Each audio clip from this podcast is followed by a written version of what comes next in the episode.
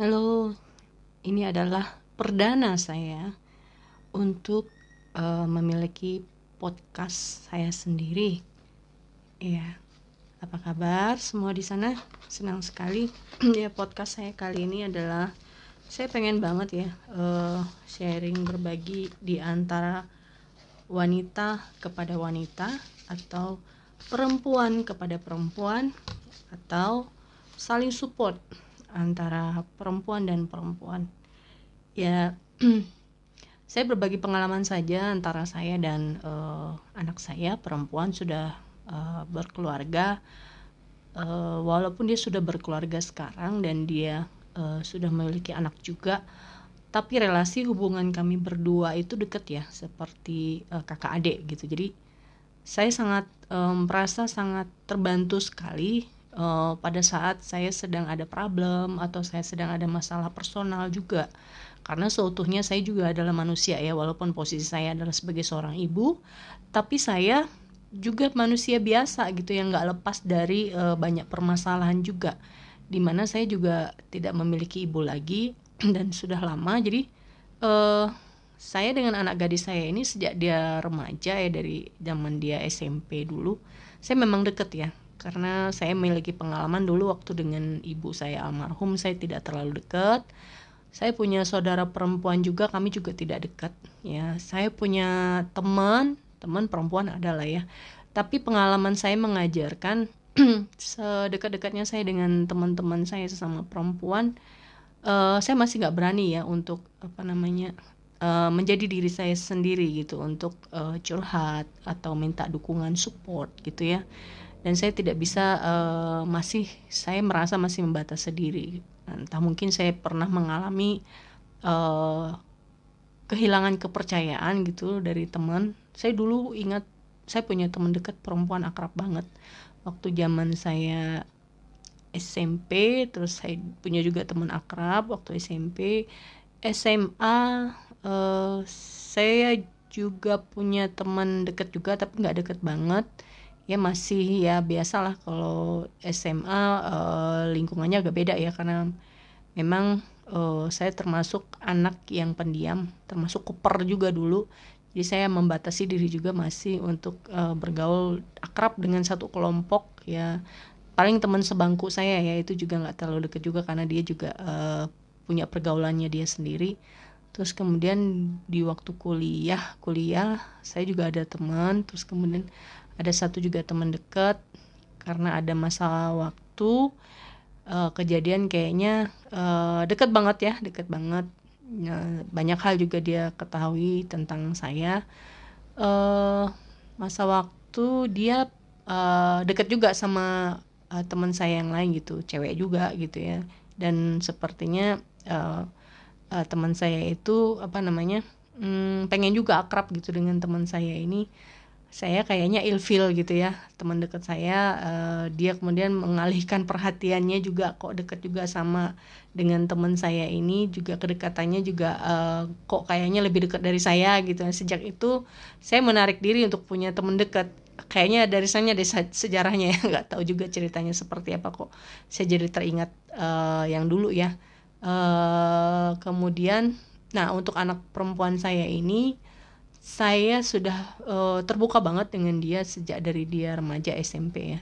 Uh, ngobrol tuh kalau sudah ngobrol berdua saya tuh lebih banyak ngobrol tuh seperti dengan teman. Sampai juga uh, teman-teman deket dia uh, teman-teman akrab dia baik SMP SMA juga uh, teman kuliahnya juga mengenal saya itu sebagai seorang ibu yang enak gitu diajak ngobrol ya. Enak diajak ngobrol seputar kehidupan permasalahan mereka. Saya nggak pernah mengejas mereka nggak pernah apa namanya memposisikan darah saya adalah ibu ketika saya berada di tengah-tengah mereka. Karena memang uh, saya tahu bagaimana kapan saya uh, mengambil posisi sebagai seorang teman, kapan saya mengambil posisi saya sebagai seorang ibu dan orang tua yang memberikan advice, memberikan masukan, saran dan mengarahkan itu. Tapi uh, sampai dengan tapi ya uh, tapi tetap ya harus uh, ada jarak gitu ya. Intinya saya tetap um, diri saya sebagai seorang ibu. Tapi kembali lagi saya perempuan saya manusia biasa yang juga butuh teman banget ya teman yang mensupport secara uh, apa psikologis dukungan moral pada saat kita dalam kondisi yang kita butuh seseorang yang bisa kita percaya untuk kita bercerita. Nah dengan anak perempuan saya ini saya uh, banyak hal bisa saya dapatkan dari dia. Selain saya sendiri yang juga bisa uh, in, uh, bicara dengan dia secara pribadi ke pribadi dia juga seperti itu ya. Dia juga merasa lebih nyaman uh, lebih uh, uh, itu karena ruang juga saya sudah saya buka ruang gitu ya ke anak saya untuk dia terbuka untuk menjadi seorang perempuan. Uh, dia juga tidak takut untuk berbicara kepada saya. Dia juga tidak takut untuk menyampaikan kegelisahannya dia juga tidak saya juga membuka ruang uh, bahwa dia jadi tidak takut ketika dia memang butuh moral support gitu ya uh, dari pemikiran uh, menguatkan uh, diri juga seperti itu. Nah tapi tetap kadang waktu kadang-kadang uh, ya uh, di satu waktu kita juga uh, ada juga gitu ya uh, kangen juga ya sesama sebaya ya perempuan sesama sebaya kita yang uh, bisa kita percaya gitu untuk bisa menjadi teman baik kita yang bisa uh, memberikan bahunya untuk kita bersandar. Untuk kita bisa cerita untuk kita bisa menjadi diri kita sendiri juga untuk bisa menguatkan kita tapi bukan mengejas kita bukan uh, memberi kuliah yang panjang lebar bukan menceramahi bukan memarahi bukan uh, memandang kita itu ya manusiawi ya kalau ada orang yang berbuat salah atau melakukan kesalahan itu uh, manusiawi gitu kalau dia berbuat salah atau melakukan hal yang salah. Nah, kalau sahabat itu kan dia tidak melihat dari kesalahan itu. Tapi ketika uh, seseorang datang kepada dia uh, uh, untuk mau terbuka dengan keadaan dia. Nah, fungsi kita sebagai sahabat itu adalah tempat bersandar saja ya. Fungsi kita memberikan dia ruang seluas-luasnya uh, untuk dia bisa uh, apa namanya? menyampaikan apa yang ada dalam hatinya, apa perasaan dan kegalauannya, ya. Saya juga uh, sering juga uh, kadang juga tanpa sengaja ya kalau uh, ketemu juga dengan teman-teman perempuan gitu banyak uh, mungkin karena melihat saya itu orangnya uh, terbuka ya kalau berbicara dengan orang itu saya nggak terlalu ini lebih banyak saya lebih sebagai tempat yang untuk orang curhat gitu ya tapi ya saya secara pribadi ya tentu saya juga uh, apa namanya butuh juga gitu untuk uh, ruang atau tempat di mana saya juga ingin memiliki seorang sahabat gitu yang uh, yang bisa rame gitu ya. Uh, pada saat saya sedang down sedang saya ada satu hal ada suatu hal yang um, saya butuh dukungan dia bisa mampu juga untuk membuat saya happy lagi gitu ya. Happy terus bangkit lagi terus bisa melupakan dan bisa melewati masa waktu yang sulit itu seiring waktu berjalan saya bisa kembali lagi untuk uh, bahagia lagi. Nah cuman kan memang sulit ya untuk mencari uh, teman, mencari kawan yang seperti itu yang uh, tidak jaim, teman yang uh, apa namanya apa namanya enggak membuat kita itu takut untuk menjadi diri sendiri Nah, di podcast ini saya nggak tahu juga kenapa saya memang rindu banget, rindu banget ya. Di luar sana saya percaya banyak sekali perempuan-perempuan gitu ya. Beberapa waktu yang lalu ada satu orang, saya belum kenal sama sekalipun, saya belum tidak kenal dia siapa pun, tapi dia bisa bercerita dengan saya banyak sekali dia bercerita dengan saya sampai menangis-nangis juga dan saya uh, merasakan apa yang dia rasakan gitu ya saya berempati dengan apa yang dia rasakan. Dan itu membuat saya sadar gitu ya bahwa di luar sana masih banyak sekali perempuan sendiri dalam kesendiriannya gitu ya dalam tanda petik.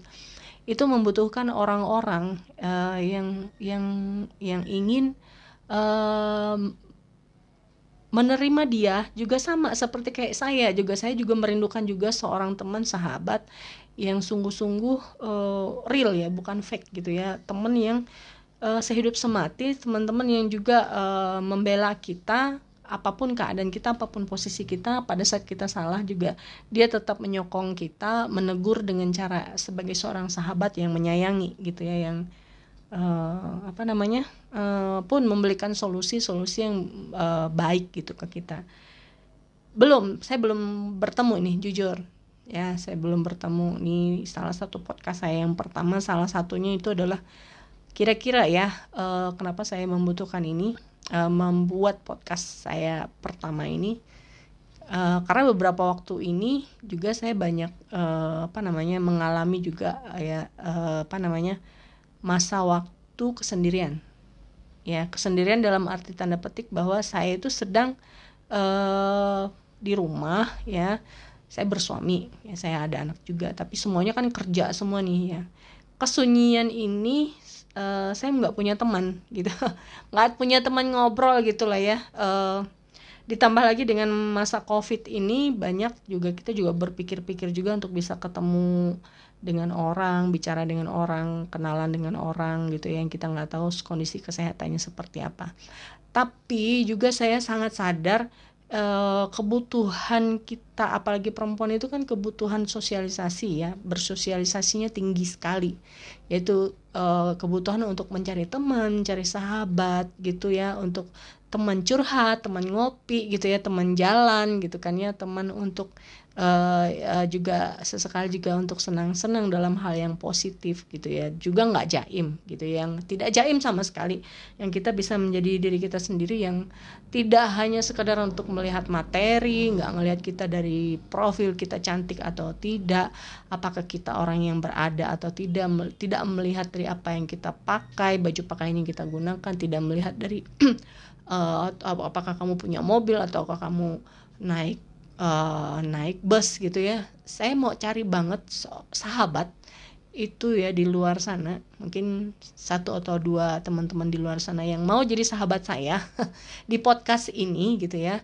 Atau juga yang juga kangen gitu ya pengen tem pengen punya temen cerita gitu di masa-masa mungkin selang waktu dari kesibukan kita ada di mana waktu kita juga pengen curhat pengen ngobrol cari temen buat ngobrol uh, apa saja?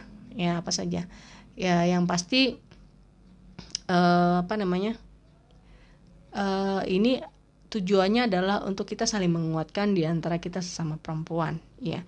Tapi kalau di lain di lain itu misalnya uh, untuk urusan misalnya secara finansial terus kemudian minta dukungan bantuan untuk uh, finansial keuangan saya itu bukan wilayah saya ya. Jadi saya itu mau menegaskan bahwa dukungan kita itu kan sebenarnya bukan hanya sekedar itu ya dukungan secara finansial keuangan. Karena mungkin juga ada karena masalah ekonomi oke okay lah. Kita juga masing-masing juga uh, pasti memiliki masalah finansial ekonomi juga. Saya juga mengalami juga naik dan turun juga ya. Uh, saya juga berjuang juga untuk keluarga saya bagaimana untuk bisa survive bagaimana juga kehidupan keluarga bisa berjalan dengan baik. Maksud saya di sini adalah uh, uh, satu ruang satu tempat di mana kita dengan keadaan kesusahan yang sedang kita hadapi itu juga kita ada satu tempat di mana kita bisa uh, apa namanya mendapatkan kekuatan juga. Kadang juga kita jujur ya saya sendiri pun ke suami ke pasangan saya juga uh, saya nggak nggak bisa uh, terlalu jujur-jujur banget ya apa yang saya rasakan. Karena kadang saya ngerasa justru kalau saya itu agak sedikit jujur atau terbuka banget gitu. Dia juga uh, agak-agak tersinggung ya secara naluriahnya dia sebagai seorang laki-laki itu justru tersinggung justru uh, sikapnya atau responnya nggak seperti yang kita harapkan gitu. Akhirnya apa nih? Uh, karena terkadang kita kan pengen respon dia itu A gitu ya. Eh ternyata responnya jadi C gitu. Sesuatu yang di luar dari perkiraan kita. Ya justru kita pengen supaya kita direspon kita disayangin bahwa kita dikasihani bahwa kita dia tahu bahwa kita sedang meraju. Ya mungkin dia peluk-peluk kita gitu bukan dikasihin dalam tanda petik gitu ya. Kita sedang butuh banget ke ada keberadaan dia untuk ada gitu ya di dalam hidup kita. Ya tapi bisa jadi itu malah jadi uh, sesuatu apa menyambar api yang jadi besar gitu. Nah, kalau kita tidak kembali uh, bersama-sama untuk menyadari bahwa uh, ini ada kesalahpahaman respon hati, ya bisa jadi itu jadi perang dingin pada pada akhirnya ya.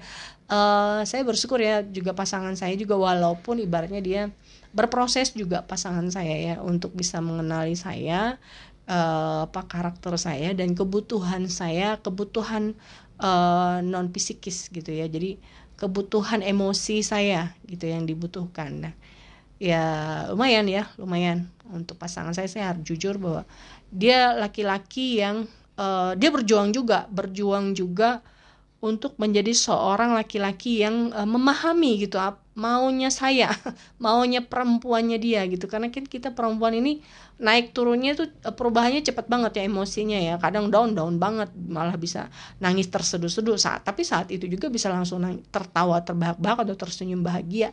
Atau sebaliknya lagi bahagia banget tiba-tiba bisa cengeng gitu ya.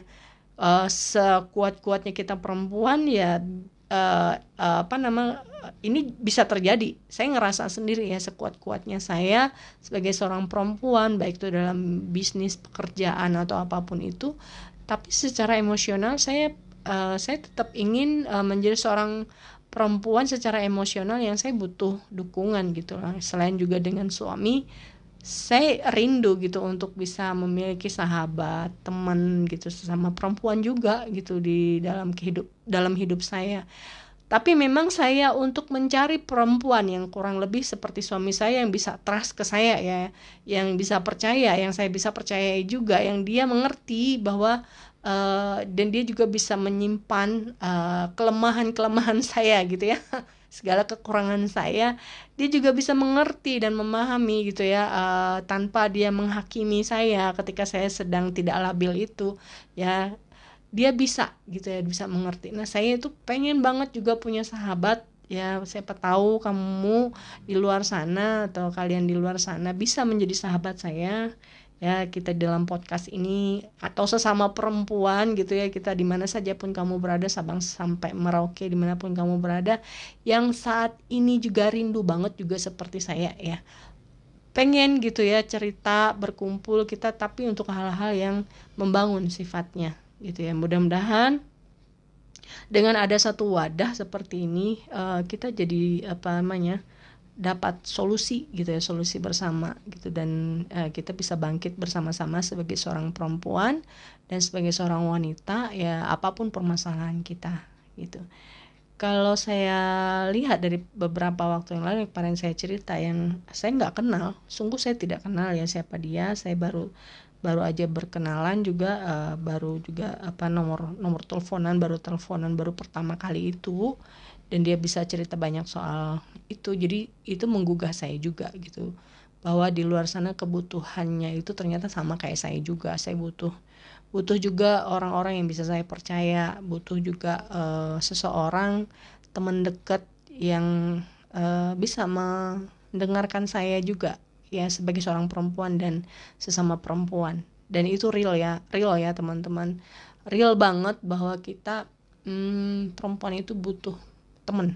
Karena kita memang uh, manusia sosial ya. Dan saya memang juga uh, dalam lingkungan saya bukan berarti saya tidak uh, bertemu dengan uh, uh, apa namanya di lingkungan saya nggak ketemu dengan teman-teman dekat perempuan ya. Ketemu gitu cuman saya itu masih belum belum uh, bisa sepenuhnya untuk bisa percaya 100% gitu. Apakah saya bisa uh, menjadi diri saya sendiri uh, di hadapannya atau ketika saya berteman dengan dia atau justru nanti saya malah uh, ditikam dari belakang atau justru nanti saya malah uh, kepercayaan saya malah di apa namanya dimanfaatkan justru mungkin bisa dipermalukan gitu ya. Walaupun sebenarnya memang disarankan kita juga membatasi ya membatasi untuk kalau dengan teman itu nggak seterbukanya kita dengan suami pasti berbeda. Tapi juga kadang saya ngerasa saya juga dengan pasangan saya sendiri pun juga ada hal-hal yang juga saya tidak buka gitu yang secara secara jujur. Mungkin juga uh, saya menghindari terjadi konflik ya. Uh, yang saya lakukan apa? Biasanya saya ya karena saya uh, orang yang beragama ya saya berdoa gitu ya doa kepada Tuhan saya. Saya berdoa memberikan ke, minta kekuatan dan kemudian juga uh, apa namanya uh, saya lakukan sebaik-baiknya dengan uh, apa yang saya bisa kerjakan. Nah itu yang saya lakukan. Mudah-mudahan podcast ini yang pertama ini bisa teman-teman di luar sana bisa terima dan ayo bergabung bersama saya di podcast saya pertama ini dari perempuan untuk perempuan dari wanita kepada wanita kita saling menguatkan. Yes ini saya mau sharing lagi nih. Sudah masuk minggu kedua apa minggu kedua minggu ketiga minggu kedua deh kayaknya ya. Masih belum ada notifikasi dari teman-teman. Hmm. Tapi saya tetap mau coba sharing berbagi di sini. Ini saya sedang mencoba masuk apa namanya aplikasi di TikTok. Terus kemudian saya sudah bisa live sharing berbagi. Jadi lumayan ya ada teman juga. Uh, kalau di TikTok itu saya rasa aplikasi yang memang tidak membatasi. Walaupun uh, tidak membatasi itu dalam artian uh, kita bisa berapresiasi kita bisa live juga kita bisa membuat video atau membuat lagu background yang kita mau dari video atau iklan dari produk yang kita punya. Kita juga bisa berteman dengan uh, banyak teman dan kita bisa mengenal mereka dari video-video yang mereka kirim. Dibandingkan dari Facebook saya rasa sudah cukup lama juga saya tidak terlalu aktif di Facebook juga sangat jarang sekali. Karena saya menganggap kalau di Facebook itu teman-temannya lebih banyak uh, apa namanya? Tidak interaktif ya. Walaupun sebenarnya juga di TikTok juga banyak juga teman-teman yang tidak terlalu interaktif di mana uh, kalau bahasanya teman-teman tuh udah ngartis gitu ya udah ngerasa artis. Jadi gak lagi dia ngerespon apa namanya respon-respon atau apa yang kita kirimkan ke tiktoknya dia. Tuh. Tapi uh, beberapa teman-teman yang juga uh, sadar bahwa tiktok itu adalah salah satu aplikasi di mana itulah potensi dan peluang bagi semua orang terbuka untuk bisa uh, mengapresiasikan dirinya. Saya lihat banyak juga yang berhasil sukses gitu ya. Uh, kemudian menjadi uh, endorse atau ada juga yang sukses berjualan dari kegiatan di rumah kesibukan di rumah dari TikTok yang dibuat bisa uh, dagang dari rumah gitu ya terus menghasilkan uang. Itu satu uh, peluang potensi jalur atau kesempatan bagi pengguna itu dalam media sosial. Kalau dilihat di Facebook itu uh, untuk beriklan itu memang agak sulit ya. Karena untuk Facebook Ads sendiri harus berbayar. Tapi bukan berarti Facebook Ads itu tidak bagus saya pernah menggunakan Facebook dari Facebook Ads kemudian menghasilkan satu jaringan di luar negeri gitu jadi besar. Cuman kalau saya ngeliat di TikTok saya sedang mempelajari bahwa trennya adalah hmm, media ini biasa dipakai oleh siapa saja. Dia bisa diangkat atau dipergunakan akunnya juga apa namanya uh, TikToknya juga bisa dipakai untuk iklan. Dan itu tidak cuma iklan ya juga dia bisa berjualan juga menggunakan produknya. Ini bagus banget. Nah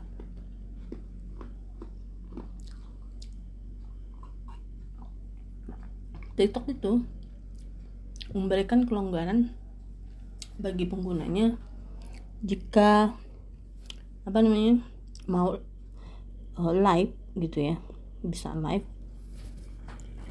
Itu cuman uh, minimal dia memiliki member 1000 eh, followers gitu ya, pengikut 1000 bukan member ya followers. Nah um, beberapa teman-teman dari akun TikTok yang sudah lebih dulu menggunakan akun TikTok itu ada beberapa yang um, menggunakan namanya uh, mutualan. Itu saling follow memfollow. Dan itu bagus banget ya karena uh, dengan saling memfollow itu itu satu kekuatan uh, untuk bertumbuh segera. Saya mengalami ya di satu akun saya yang bisnis uh, minggu pertama bulan pertama saya uh, mencoba dengan cara tradisional yaitu untuk mencari uh, viewer atau pengikut. Itu sulit sekali ya. Nah kemudian saya coba dengan uh, cara mutualan itu. Nah dengan mutualan itu pertama kali saya pakai di akun saya yang pertama saya butuh waktu memang saya butuh waktu kurang lebih hmm, sekitar dua minggu akhirnya tercapai saya bisa apa namanya untuk bisa uh, live ya. Terus kemudian saya pakai lagi akun saya yang kedua itu saya hanya uh, pertama kali uh, dua kali aja saya butuh untuk bisa saling support. Memang keterbatasannya adalah ada limit juga. Kalau kita mau memfollow balik atau memfollow akun dari teman-teman kita yang memfollow itu dibatasi oleh TikTok ya jumlahnya.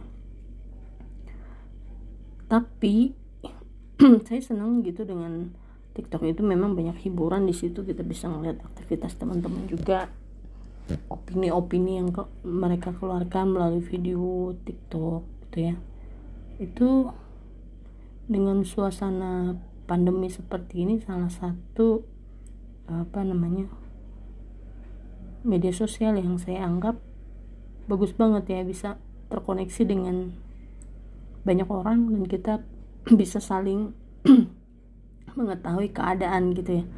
Karena kalau dengan video TikTok itu apa namanya kita bisa tahu kondisi dari teman kita dari video yang dikirimkan juga. Sekarang juga saya ngeliat juga media sosial apa uh, pemberitaan itu juga banyak uh, mencari sumber-sumber dari TikTok ya. Yang viral-viralnya itu ya dari TikTok sumber-sumbernya. Kemudian diangkat ke uh, berita muaranya ke Facebook atau ke Twitter. Kalau dulu kan dia sumbernya itu dari Twitter ya uh, Instagram. Sekarang itu dari TikTok saya lihat. Ya. potensi ini uh, untuk anak-anak muda menjadi satu potensi yang dilihat oleh mereka ya. Dan mereka mengerti banget ini. Saya ngeliat juga anak-anak muda yang berhasil juga melalui TikTok bisa mengiklankan produk mereka atau kegiatan mereka atau aktivitas mereka atau meng, meng, mengendorse dirinya untuk menjadi uh, apa namanya uh, endorse untuk bisa dipergunakan oleh uh, produk-produk dipakai sebagai iklan. Semakin banyak followernya eh, iklan pasti akan banyak datang ke situ. Jadi juga tidak lagi melihat apakah dia artis atau tidak ya. Saya ngeliat potensi setiap orang itu adalah uh, sesuatu hal yang mungkin kalau selama ini kan terbatas ya untuk bisa apresiasi di media apa di media sosial apa untuk menjadi artis atau aktor aktor atau um, menjadi seleb gitu ya. Tapi kalau di media sosial itu orang bisa saja tiba-tiba jadi terkenal dalam sehari dengan tiktoknya ya. Jadi terkenal. Terus kemudian makin banyak orang follow makin banyak uh, yang berkomentar di situ uh, apa namanya produk iklan bisa mengendorse. Kalau yang bersangkutan memang bersedia untuk diendorse gitu. Tapi juga rentan juga saya ngeliat Facebook tuh rentan. Berapa juga saya pelajari. TikTok itu anak-anak muda yang uh, apa namanya mau membuat memuat video-video yang cukup seronok ya. Yang sebenarnya nanti juga kalau sudah berkeluarga menurut saya ya juga nanti uh, gaya-gaya dance-nya itu seperti ngajak untuk berhubungan lah gitu ya. Gaya-gayanya terlalu seronok lah saya anggap. Jadi uh, sampai juga memperlihatkan bagian dada susu gitu ya apa yang terlalu terbuka. Ini kadang-kadang juga bagian-bagian itu juga terlewatkan yang tidak bisa di apa namanya tidak terfilter gitu beberapa saya coba untuk mengirimkan ke TikTok mereview yang memberitahukan bahwa ini akun sudah harusnya di take down gitu ya videonya. Tapi beberapa kali Facebook eh TikTok tidak merespon dan menganggap itu tidak pelanggaran. Sangat sayang sih karena kalau saya ngeliat dari cara dia berpakaian juga sudah minim. Tapi memang kalau mungkin base nya ya base nya TikTok itu sendiri kan memang dari luar negeri ya. Jadi untuk pakaian itu sendiri ya mereka di luar negeri ya terbiasa biasa gitu untuk pakaian-pakaian yang terbuka. Jadi mungkin base nya seperti itu. Tapi saya nggak tahu kalau manajemennya TikTok Indonesia seperti apa untuk membuat filter. Itu maksudnya ya apa namanya kalau Indonesia itu kan ada uh, apa namanya filternya sendiri untuk uh, informasi atau apa pun yang masuk itu disaring biasanya. Kalau terlalu seronok juga kan nggak boleh. Ya termasuk juga peraturan perundangan juga yang memperlihatkan susu dada tuh ada undang-undangnya sebenarnya. Ada undang-undang undang-undang IT tidak memperbolehkan. Karena itu memang disengaja. Itu memang masih belum ditegakkan sih saya lihat bagian itu.